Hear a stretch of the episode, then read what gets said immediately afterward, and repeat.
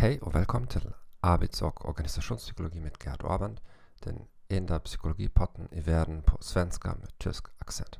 I det här avsnittet kommer vi att prata om organisatoriskt åtagande eller engagemang. Organisatoriskt engagemang är den kraft som binder en individ till en organisation.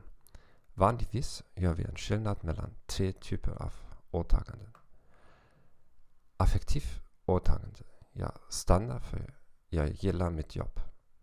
Normativt åtagande. Jag känner mig tvungen att stanna. Och kalkylatoriskt åtagande. Att inte stanna skulle vara för dyrt för mig. Den sista typen har två komponenter. Brist på alternativ, brist på jobberbjudanden till exempel och personligt offer förlust av personliga fördelar som en företagsbil. Här är några frågor från ett enkät för varje typ av åtagande.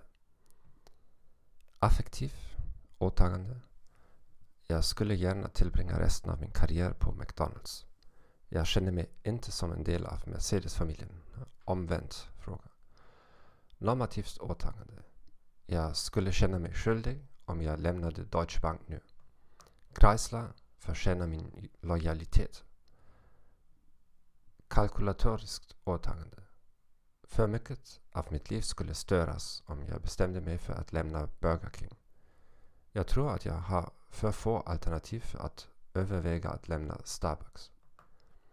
Jag tackar dig för att du lyssnade på denna podcast.